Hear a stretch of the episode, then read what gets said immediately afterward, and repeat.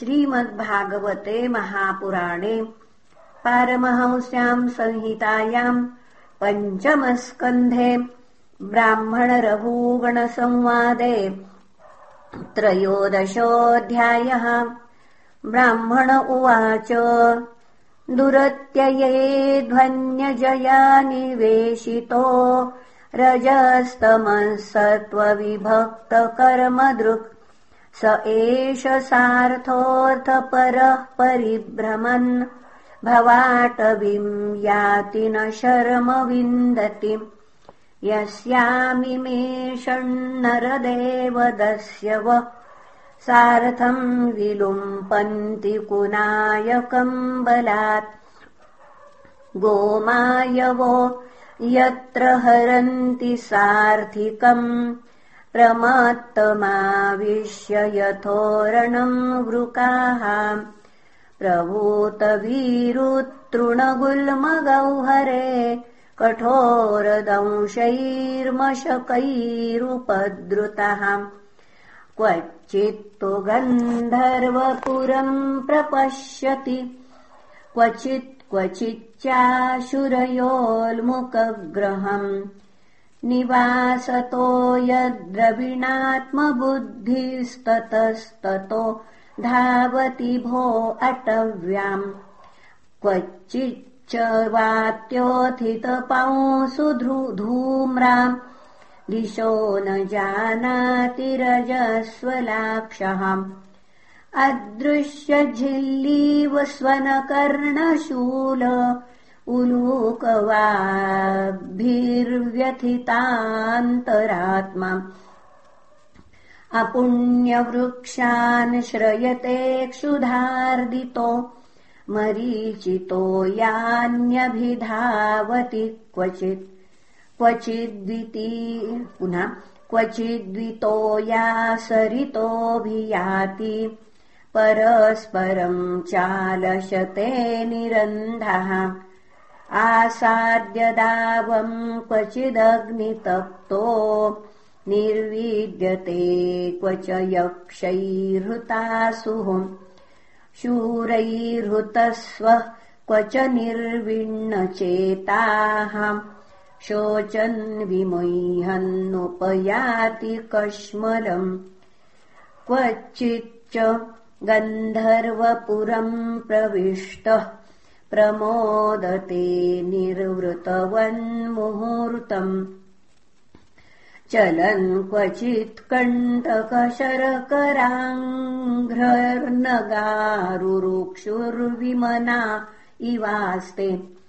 पदे पदेभ्यन्तरवह्निनार्दितः कौटुम्बिकः क्रुध्यति वै जनाय क्वचिन्निगीर्णो जगराहिना जनो नावैति किञ्चिद्विपिनेपविद्धः दष्टस्मशेते क्व च दन्दशूकैरन्धोऽन्धकूपे पतितस्तमिस्मि कर्हि स्म क्षुद्ररसान् विचिन्वन् स्तन्मक्षिकाभिर्व्यथितो विमानः।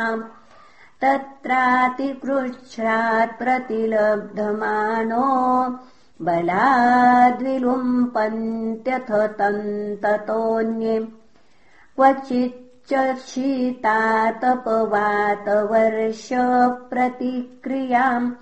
करतुमनीश आस्ते। क्वचिन्मिथो विपणन् यच्च किञ्चित् विद्वेषमृच्छत्युत क्वचित् क्वचित् क्षीणधनस्तु तस्मिन् शय्यासनस्थानविहारहीनः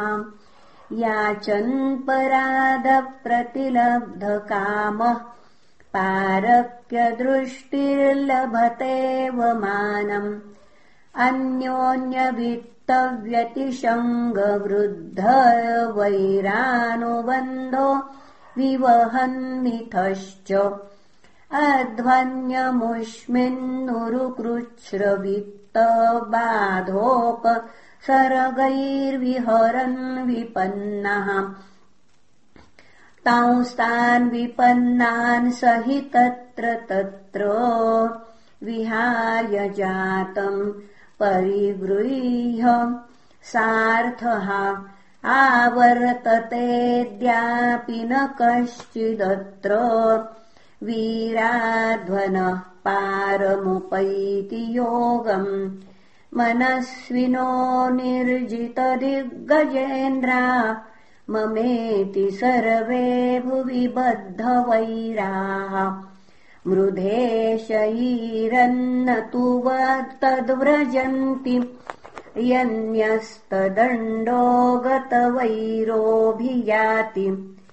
प्रसज्जति क्वापि लता भुजाश्रयस्तदाश्रया व्यक्तपदद्विजस्पृहः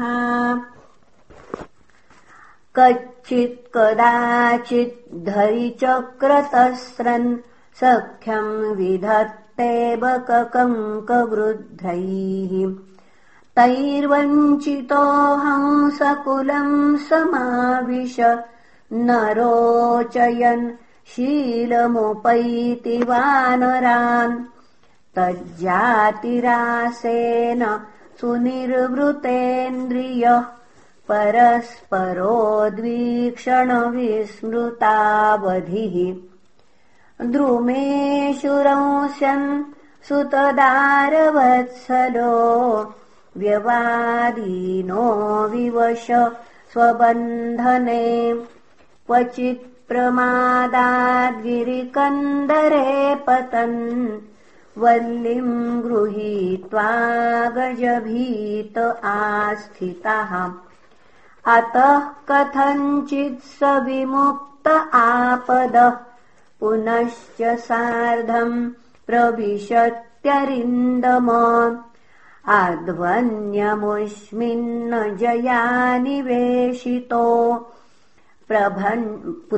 भ्रभञ्जनो भ्रम पुनः भ्रमज्जनोऽद्यापि न वेद कश्चन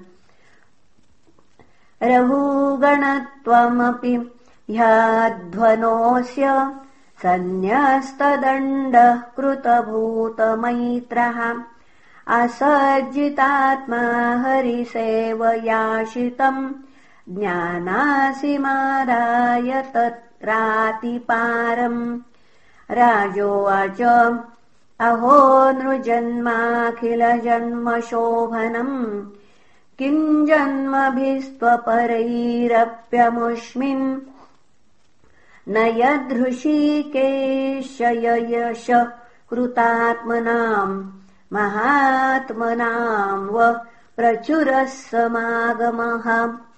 न ह्यद्भुतम् त्वच्चरणाब्जरेणुभिर्हतंहसो भक्तिरधोक्षजेमला मौहूर्तिकाद्यस्य समागमाच्च मे दुस्तर्कमूलोपहतो विवेकः।